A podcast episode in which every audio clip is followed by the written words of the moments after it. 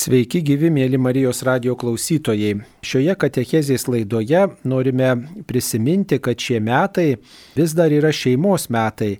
Štai nuvilnyjo įvairios šventės ir šeimai skirtos šventės, šventosios šeimos diena, tačiau šeimos metai vis dar tęsiasi. Kaip žinome, popiežiaus Pranciškaus iniciatyva pernai metais kovo 19 dieną, tai yra per Šventojo Juozapo iškilmę, popiežius pradėjo šeimai skirtus metus metus ir juos minėti kviečia ne tik šeimos narius, bet ir visus žmonės, nes visi mes vienaip ar kitaip esame susiję su šeimomis. Ir kunigai esame kilę iš šeimų, ir, ir šeimas palydime, ir su šeimomis bendraujame, ir taip pat daugybė žmonių atpažįsta savo pašaukimą šeimoje būdami, išmoksta mylėti, ir net ir vieniši žmonės turi tą šeimos patirtį, nes yra kilę iš šeimų arba to šeimos ilgisi, tom šeimom patarnauja, taigi tai aktualūs metai, kurie vis dar tęsiasi ir jie baigsis šių metų 2022 metų birželio 26 dieną per dešimtąjį pasaulinį šeimų susitikimą Romoje kartu su popiežiumi Pranciškumi. Taigi iki pat birželio mėnesio tęsiasi šeimos metai ir mums yra proga po visų švenčių, tarp visų minėjimų atnaujinti tą prisiminimą, kad tie šeimos metai vis dar gyvuoja ir kad mes tikrai turėtume ką apmastyti ir įgyvendintume tą pagarbą šeimai ir apsvarstytume šeimos svarbą visų mūsų gyvenime. Ir šie metai paskelbti popiežiaus pranciškaus dėl to, kad minimas penkerių metų jubiliejus po paštališkojo paraginimo Moris Leticija pasirodymo ir tas dokumentas ir reiškia meilės džiaugsmas. Tai ir šių metų tema - meilės džiaugsmas šeimoje. Šeima, kitaip sakant, yra džiaugsmas ir tas džiaugsmas kyla iš tarpusavio žmonių meilės. Taigi, šių metų paskelbimas ir, ir taip pat to dokumento pasirodymas yra nekas kita kaip kvietimas atnaujinti šeimų bendrystę, kad šeimos kuo daugiau būtų kartu, kartu praleistų laisvalaikį, savaitgalius, kad kartu atostogautų, kad kartu melstusi vakarais ir sekmadieniais įvairiomis progomis, kartu valgytų, kas yra labai svarbu, ir kartu mokytųsi klausytis vieni kitų.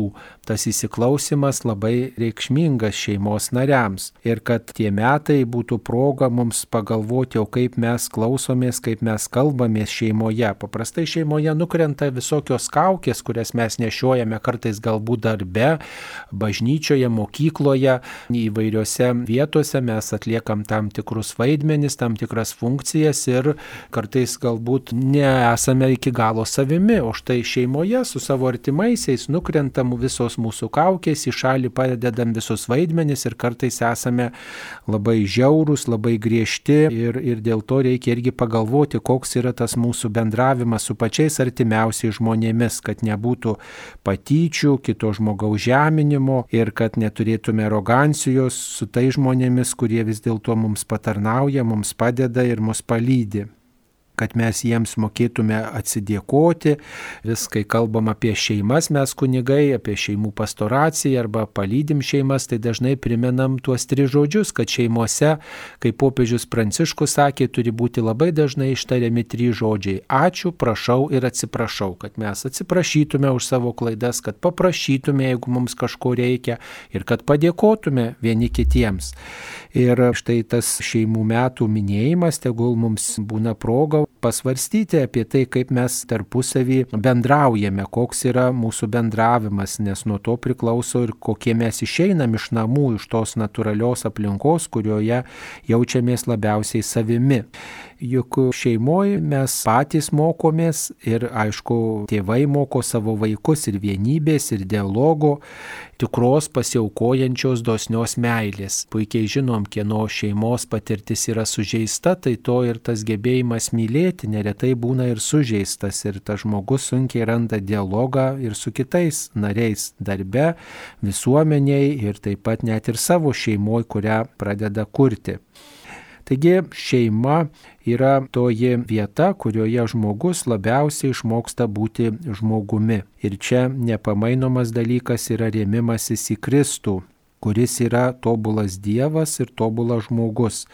Dėl to remiamės į Kristų, kad jis gimė šeimoje, jis augo šeimoje ir taip pat palaimino šeimą kaip tam tikrą bendruomenę būtiną žmogaus gyvenime. Net ir šeima pakelta į sakramento garbę, kitaip sakant, du žmonės priimdami santoką, jie švenčia sakramentą ir tas sakramentas tampa Jėzaus Kristaus meilės bažnyčiai atspindžiu. Tai vienintelis iš visų sakramentų, kur vyras ir moteris įteikia vienas kitam. Kunigas yra tik tai liudytojas, bažnyčios liudytojas, atstovauja bažnyčiai ir paliudyja, kad štai ši santoka sudaryta Dievo akivaizdoje.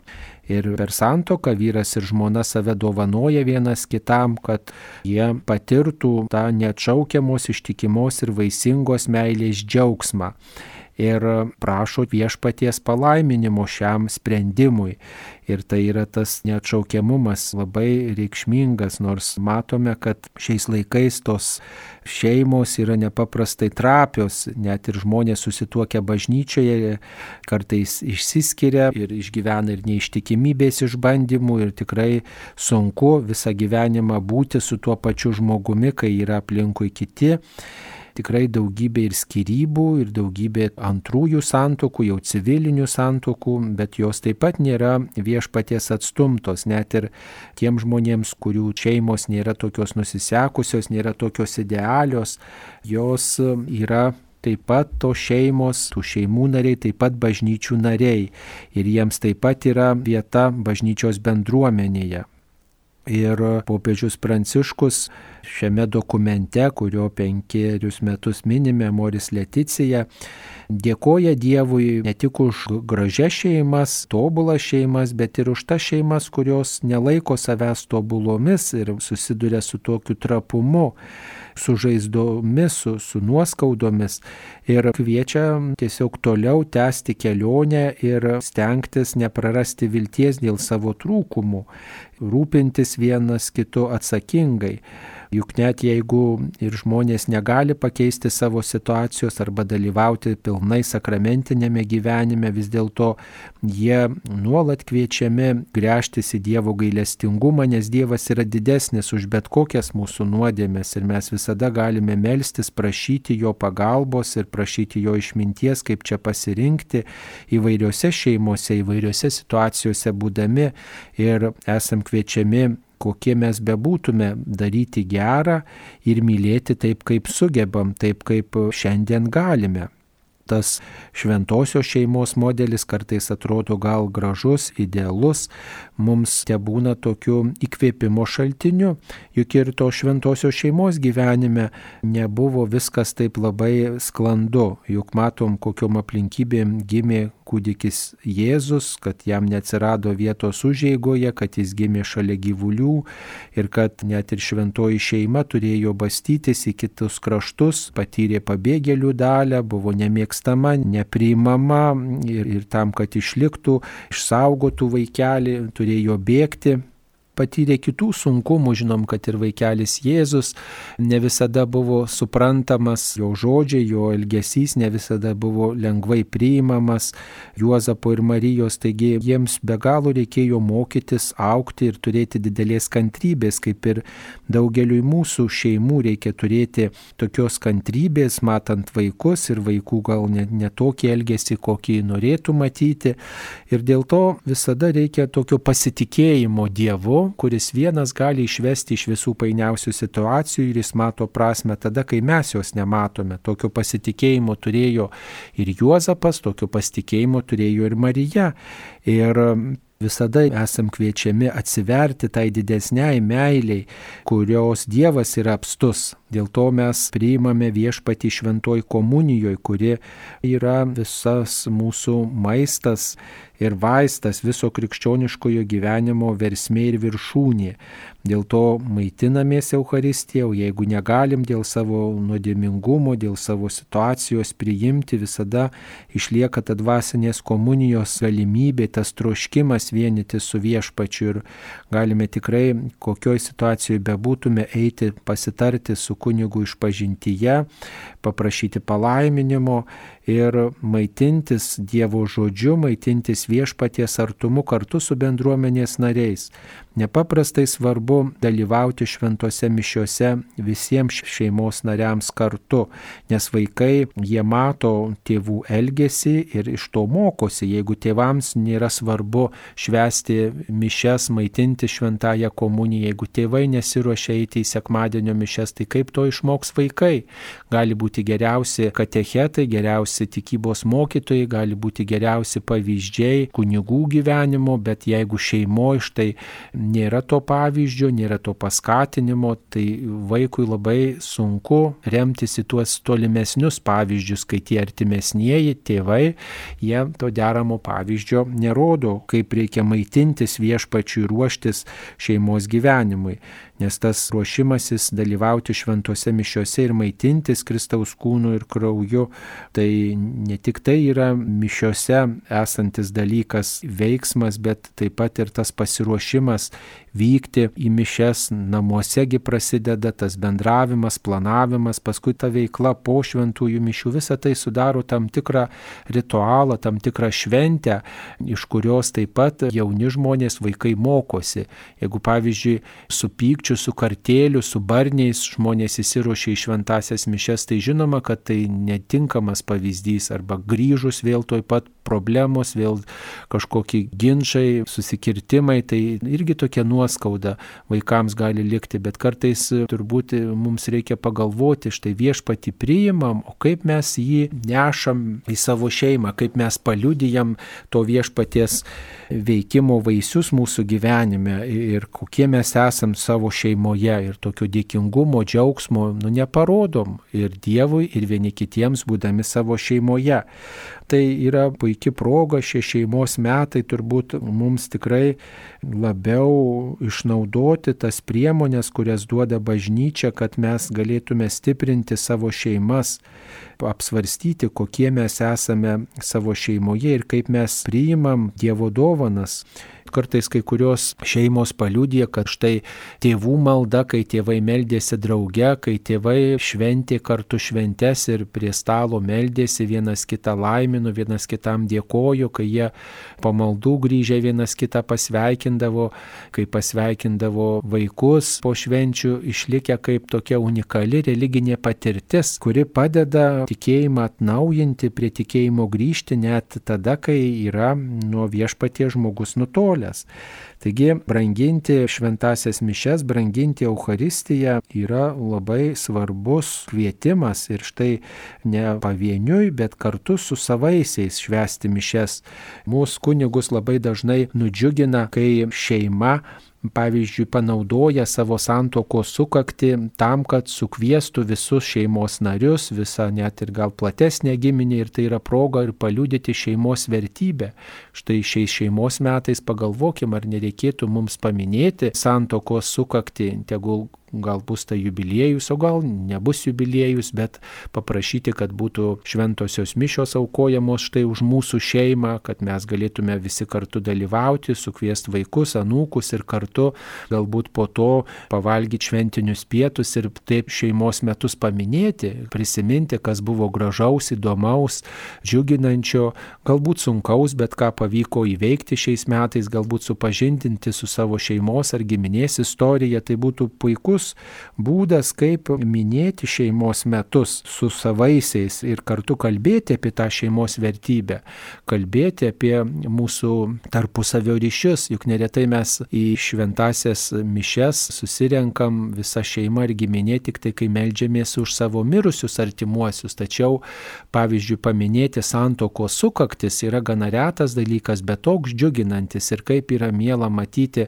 kaip džiaugiasi vaikai, anūkai, matydami senelių ar tėvų santokos sakramento atnaujinimą, kai vienas kitam jie ištarė padėko žodžius garbė tau viešpati už mano gyvenimo draugą, bendra keliaivį tą, su kuriuo štai keliavom džiaugsmo ir sunkumų valandomis ir tikrai kartais net ir tam atrodo tokiam vyrui, kuris toks rimtas, solidus, be jokių emocijų, žiūrėk ištariant tuos žodžius, ištrykšta ašara. Tai žmogus štai džiaugiasi, kad yra šalia žmona, kuri juo rūpino džiaugiamas ir išreiškia dėkingumą ir kai tai mato vaikai, kai tai mato anūkai, žinot, nepaprastai sustiprėja jų tas šeiminiškumo patyrimas ir taip pat jie galbūt pradės branginti ir tą žmogų, su kuriuo tik pradėjo gyvenimo kelionę arba apie kurį tik tai svajoja ir jie norės tokios tvirtos šeimos, nes tvirta šeima nepaprastai reikšminga vaikams ir anūkams yra ženklas, kad sunkumus galima įveikti. Ta pačia proga reikia pasakyti keletą žodžių ir apie tuos žmonės, kurie yra vieniši gal dėl to, kad įsiskyrė gyvenime arba, pavyzdžiui, niekada nesukūrė šeimos, juk yra daugybė tokių vienišų žmonių, kurie ir šeimas praleidžia, ir šventes praleidžia vieniši, ir su skausmu žiūri į tas šeimas, kurios praeina pro šalį, kai tėvas, pavyzdžiui, vedasi vaiką arba vežimėlį stumia, tai kokia vieniša moteris ar koks vyras vienišas nesukūrė šeimos, akimis nulydė ir pagalvoja, štai galėjau ir aš turėti tokią šeimą ir va tokioj šeimoje būti, o to nepatyriau arba to nepavyko mūsų gyvenime. Taigi tie vieniši žmonės taip pat jie neatskirti nuo šitų šeimos metų. Su pirma, bažnyčia yra kaip šeimų šeima, nes mes visi susirenkam prie vieno altoriaus, mus stiprina Kristus ir mes esam vieno kūno nariai, visi kartu šlovinam viešpati, vieni kitus palaikome ir atliekam skirtingas funkcijas ir vieni kitiem esam svarbus ir reikšmingi. Dėl to bažnyčia yra kaip šeimų šeima ir mes vieni už kitus melzdamiesi, vieni kitiems duodami pavyzdį, nesame vieniši.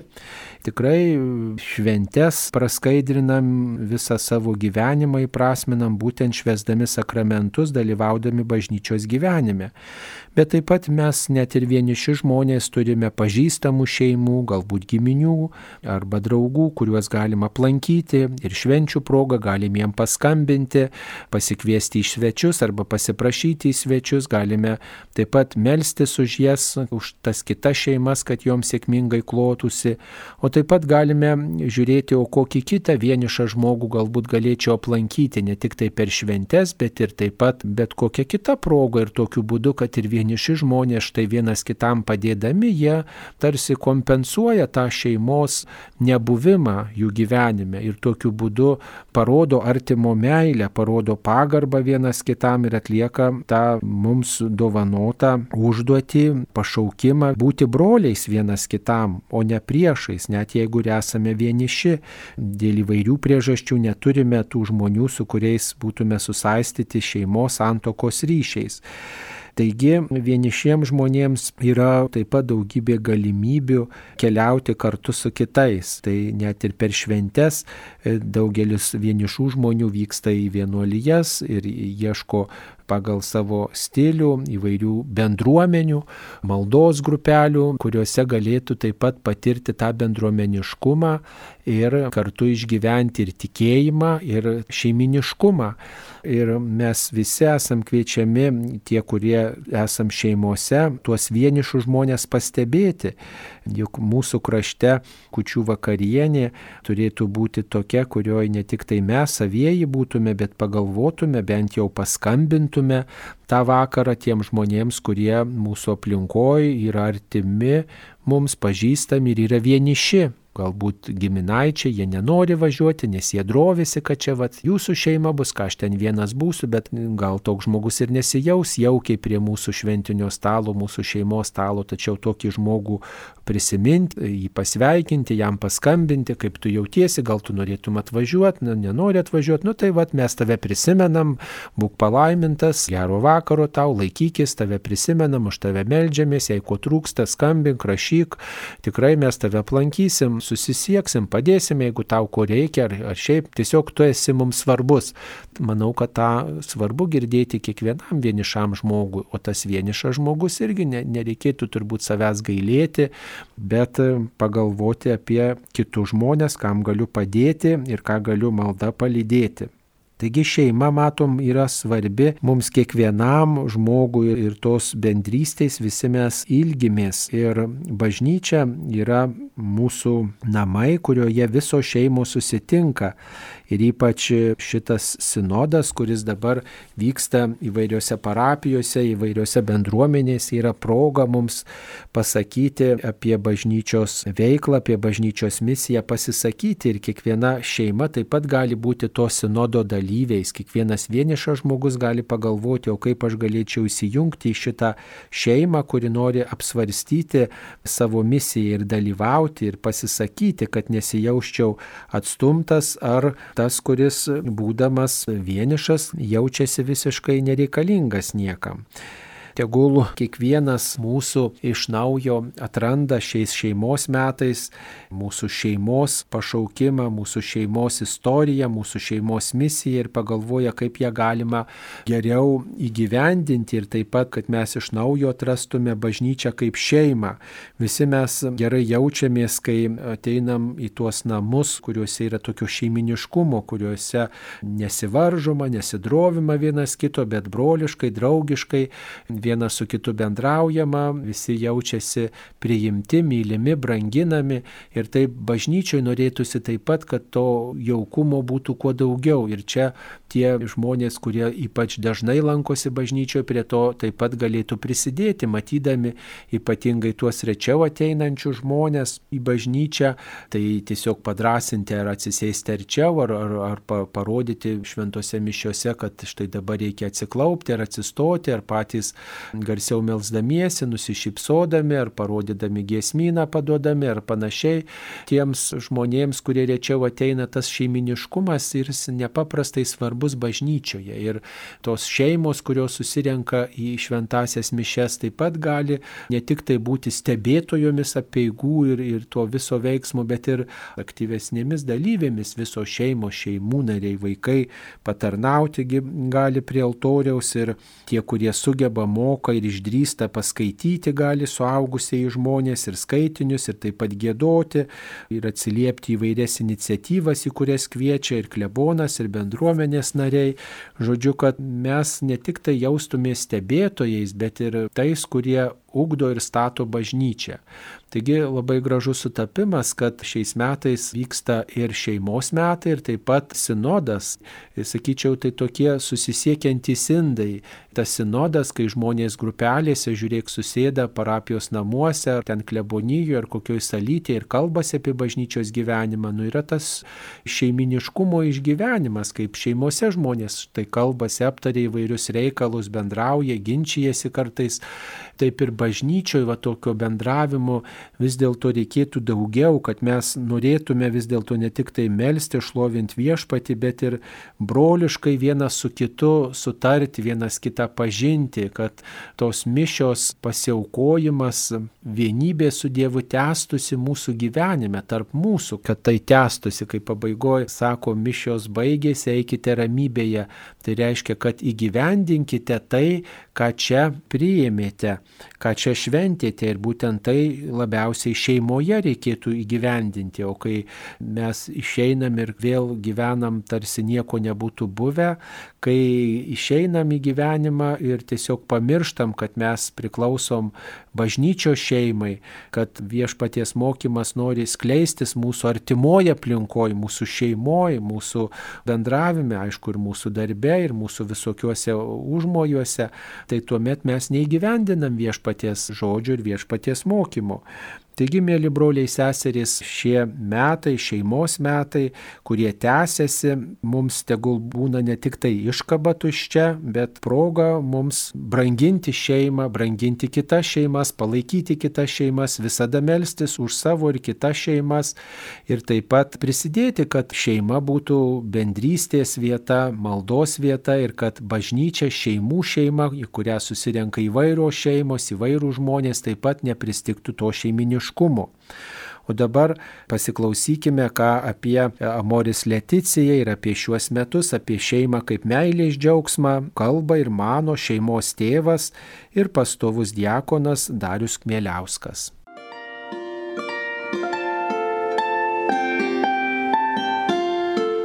Jūs girdite Marijos radiją.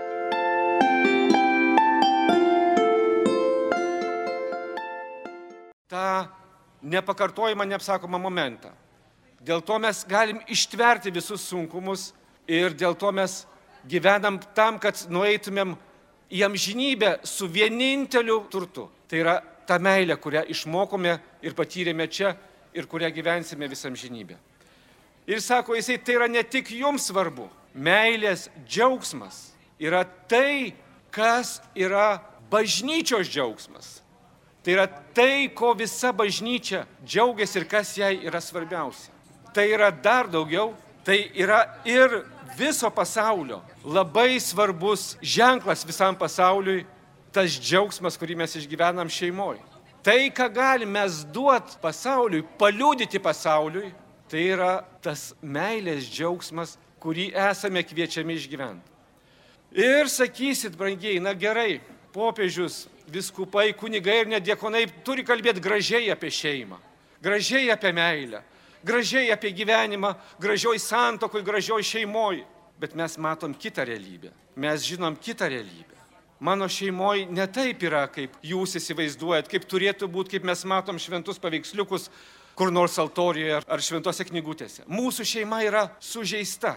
Mūsų santykiai su vyru sužeisti. Ne mums tas laiškas popiežiaus, ne mums ta žinia, kurią čia kalba viskupai, kunigai ir diekonai. Čia kažkam kitam, čia kažkokiem šventiem. Ne, mėlyjeji, turbūt jūs nekartai įsitikinot, koks realistas yra mūsų popiežius Pranciškus. Kaip gerai jis pažįsta savoje tautą, kaip jis jo patie žodžiai tariant permirkęs, kvepiantis Dievo tauta, nes matom, kad jisai žino mūsų realybę. Jisai buvo labai arti žmonių ir Argentinoje, jis išlieka labai arti žmonių dabar ir Vatikane. Maža to, jis prieš rašydamas šitą laišką, prieš rašydamas visus svarbius laiškus ar įvykius, jis apklausė, jis paprašo, kad broliai viskupai apklaustų savo viskupijose visam pasaulyje žmonės, šeimas, kad dar geriau matytų tą situaciją. Ir šitam laiške jis pradeda nuo to, kad taip, aš matau ir žinau ir girdžiu tuos iššūkius, kaip dabar madinga sakyti, tuos sunkumus, kuriuos jūs išgyvenat. Aš žinau, kaip tai yra sunku. Aš žinau, kad jūs ar skirybų skausmą išgyvenot, o ne džiaugsmą ar tarpusavę susipriešinimo skausmą, o ne džiaugsmą išgyvenot. Aš žinau, kad jums daug, daug trūksta, kad išgyventumėt tokią tobulą šeimą. Ir sako, vis tiek tai yra apie jūs. Jūs esate pakviesti į tą patį džiaugsmą, į tą patį liūdėjimą pasauliui ir bažnyčiai to džiaugsmo.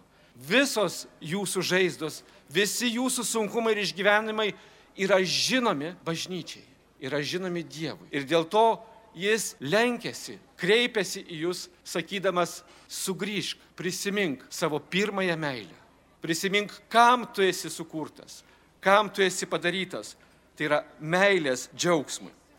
Paskui popiežius daro, na, sakytum, labai įprastą bažnyčiai, bet brangiai ir mums labai praktinį žingsnį. Pasižiūri, o kągi šventas raštas, o ką Dievo žodis kalba apie šeimą. Jis trumpai tame laiške peržvelgia, ką mums Dievo žodis Biblijoje apie tai kalba. Ir žinot ką? Jis tenai randa ir pamato ne krūvą šventų šeimų, ne kažkokius tai abrosdėlius savaime. Jis ten randa labai daug sužeistų žmonių, sužeistų šeimų. Šeimos, kurios tikrai nebuvo pačios tyriausios ir švenčiausios, kad ir kokia nors Davido šeimos istorija prasidėjusi nuo didžiulės nuodėmės. Ir daugybę tokių pavyzdžių parodydamas jisai sako, visos žaizdos ir visos šeimos, visi žmonės yra pakviesti į tą patį meilės džiaugsmą. Nes čia ateina gydyti, ateina taisyti Jėzus. Tam Dievas, kuris yra trybėje vienas, kuris yra ta savotiška šeima. Ta, pagal kurios paveikslą ir panašumą mes esame sukurti, matydamas, kaip čia sunku, jisai siunčia tą gelbėtoją, gydytoją, atitaisytoją Jėzų, kad jis pataisytų šitą mūsų sunkų gyvenimą, mūsų šitas kasdienybės, na ir klaidas, ir nuodėmės. Jis sako, gali tai padaryti. Ir tai padaro. Padaro ne tik žodžiu, ne tik skelbdamas, primindamas mums, į ką mes esame pašaukti, bet ir parodydamas tai savo kūnu, savo gyvenimu, mirdamas ant kryžiaus dėl tavęs, dėl tavo šeimos, dėl tavo asmeniško išgydymo. Tu esi tavo nuodėmė, tavo žaizda yra užnešta ant kryžiaus, tam, kad meilės džiaugsmas sugrįžtų į tavo šeimą. Ir tuomet toje šviesoje, pasižiūrėjęs popiežius, kokia realybė yra šeimų, ką mums Dievas kalba savo žodį apie tai, kokius mums bažnyčia duoda įrankius, pagalbas, medikamentus, vaistus gydyti mūsų žaizdoms, tai yra sakramentus, tai yra sutaikinimo sakramentą, santoko sakramentą, kuris nuolat turi būti atnaujinamas, kuris nuolat tampa mūsų gydimu. Jisai peržvelgia labai nuodugniai ir labai realistiškai visą mūsų šeimos gyvenimą. Jeigu jūs nepatinkėtumėt, susirastumėt tą knygelę Amoris Leticija, meilės džiaugsmas ir pažiūrėtumėt, kaip konkrečiai popiežius peržvelgia kiekvieną mūsų gyvenimo situaciją pagal Pauliaus meilės himną. Meilė kantri, meilė gailestinga, meilė niekuomet nesibaigia, meilė jis tai žiūri į mūsų gyvenimo realybę, į mūsų skaudžiausias vietas. Pavyzdžiui, kaip mes išgyvename netikti, kaip mes gedime savo artimiausių žmonių, kaip mes išgyvenam jų lygą, kaip mes išgyvenam jų negalę, kaip mes išgyvenam jų vadinamas nereguliarias situacijas. Visą tai jis apžvelgia. Popiežiaus realizmas yra neįtikėtinas. Jis tikrai kvepia savo tautą, kvepia tomis savimis, už kurias jis atsakingas, kurias jisai veda per šitas gardyklas. Ir trumpas laikas, kaip visada tokioms katechezėms, bet ilgas laikas bus jums tas akimirkos sustabdymas jūsų namuose, ar po vieną, ar drauge, pabandant paskaityti bent po mažą skiriuką apie šitą meilės džiaugsmą. Pabaigai aš noriu tokius, žinot, kaip šiais laikais būna madinga, tokius tipsus arba tokius saldainiukus pabaigoje paduoti, tokius, kas galėtų būti naudinga labai konkrečiai mūsų šeimos gyvenime, kai mes išgyvenam krizės, kai mes išgyvenam sunkumus. Tai virš viso ko, pirmiausiai, kas mums padėtų perbristi bet kokią krizę, bet kokį konfliktą, kurie visuomet mums yra labai geras išbandymas. Nes po krizės mes išeiname sustiprėję, mes išeiname kaip naujai gimę.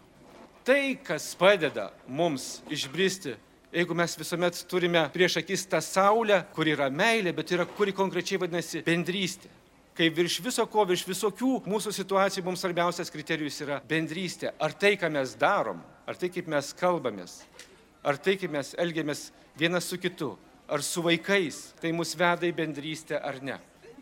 Kitas dalykas, kuris mums padės labai perbristi per mūsų vargus, irgi iš B raidės. Tai yra bendruomenė, bendruomeniškumas. Šeimos kokios bebūtų, ar sužeistos ar laimingos, ar įsiskyrusios ar besiskiriančios, ar naujos ar mažos, jos šiais laikais sako, irgi neišgyventų, jeigu jos nerastų savo bendruomenės. Aš tai turiu garbę čia dėvėti tokią stulą, kurią man padovanojo mūsų bendruomenės nariai iš Dievo motinos komandų arba ekipų tokio šeimų judėjimo. Tokių yra labai daug, kur kelios ar keliolika šeimų susijungia tam, kad padėtų nešti vienas kitam tas naštas ir tos krizius. Ir tuomet tai tikrai tampa žymiai lengviau, kai tu matai, kad ne tau vienam, kad tavo sunkumai, kad tavo nuodėmė yra visiškai neoriginali. Kas yra originalu, tai kaip tu sugebi išlipti iš tos nuodėmės. Ir trečias tas saldainiukas taip pat iš B raidės, bet iš didžiosios B raidės. Tai yra bažnyčia. Tai yra mūsų didžioji šeima, kuri yra taip pat mums tas išgelbėjimo laivas, kuriame mes plaukime. Bažnyčia, kuri, galim sakyti, irgi dabar naujai išgyvena savo vietą, savo misiją pasaulyje. Popiežius ką tik pakvietė ir toj pat pradėsime naująjį tokį didžiulį įvykį bažnyčioje - sinodą. Sinoda tai yra tokį bendrą ėjimą, bendrą mąstymą, bendrą svarstymą, kaip mums gyventi šios dienos pasaulyje. Ir tas kvietimas yra visų įsitraukti. Mes esame visi, kiekvienas atsakingi už savo bažnyčią, už savo bendruomenę, už savo tuos namus, kuriuos mums viešpats davė. Būkime iš tiesų mes bažnyčia. Būkime tie sinodiški žmonės, kurie įsiklauso į popiežiaus kvietimą eiti drauge, eiti tuo bažnyčios keliu, bažnyčios gydimo keliu ir šeimos išgydymo keliu. Taip mes paliūdysim pasauliu kaip niekas kitas, kaip jokie kiti dalykai, kai mes per savo šeimas per savo žaizdas, per savo bet kokius išgyvenimus galim parodyti, kad viešpats mums davė šitą malonę. Išgyventi ir liūdyti pasauliui, kad mes esame ne šiaip savo iš savęs šventi, kad Kristus yra šventas už mūsų, kad Kristus padaro mūsų šeimas šventas. Ir dėl to leiskit man brangiai užbaigti mažą maldą, kurią pats popiežius jums pasiūlo užbaigti apie šventąją šeimą, apie mūsų gyvenimą šeimoje. Jėzau Marija ir Juozapai, jumise kontempliuojame tikros meilės atspindį. ir į jūs su pasitikėjimu kreipiamės. Šventoji Nazareto šeima, padaryk ir mūsų šeimas bendrystės vietomis ir maldos kambariais, tikromis Evangelijos mokyklomis, mažomis namų bažnyčiomis. Šventoji Nazareto šeima, ten nelieka niekada mūsų šeimose prievartos, užsisklendimo ir susiskaldimų. Įskaudintieji ar papiktintieji tuoj pat te patiria paguodą ir te būna išgydyti. Šventoji Nazareto šeima. Padėk visiems suvokti, kad šeima yra šventa, nepažeista ir labai graži Dievo sumanime. Jėzau Marija ir Juozapai, išgirskite ir išklausykite mūsų maldavimą. Amen.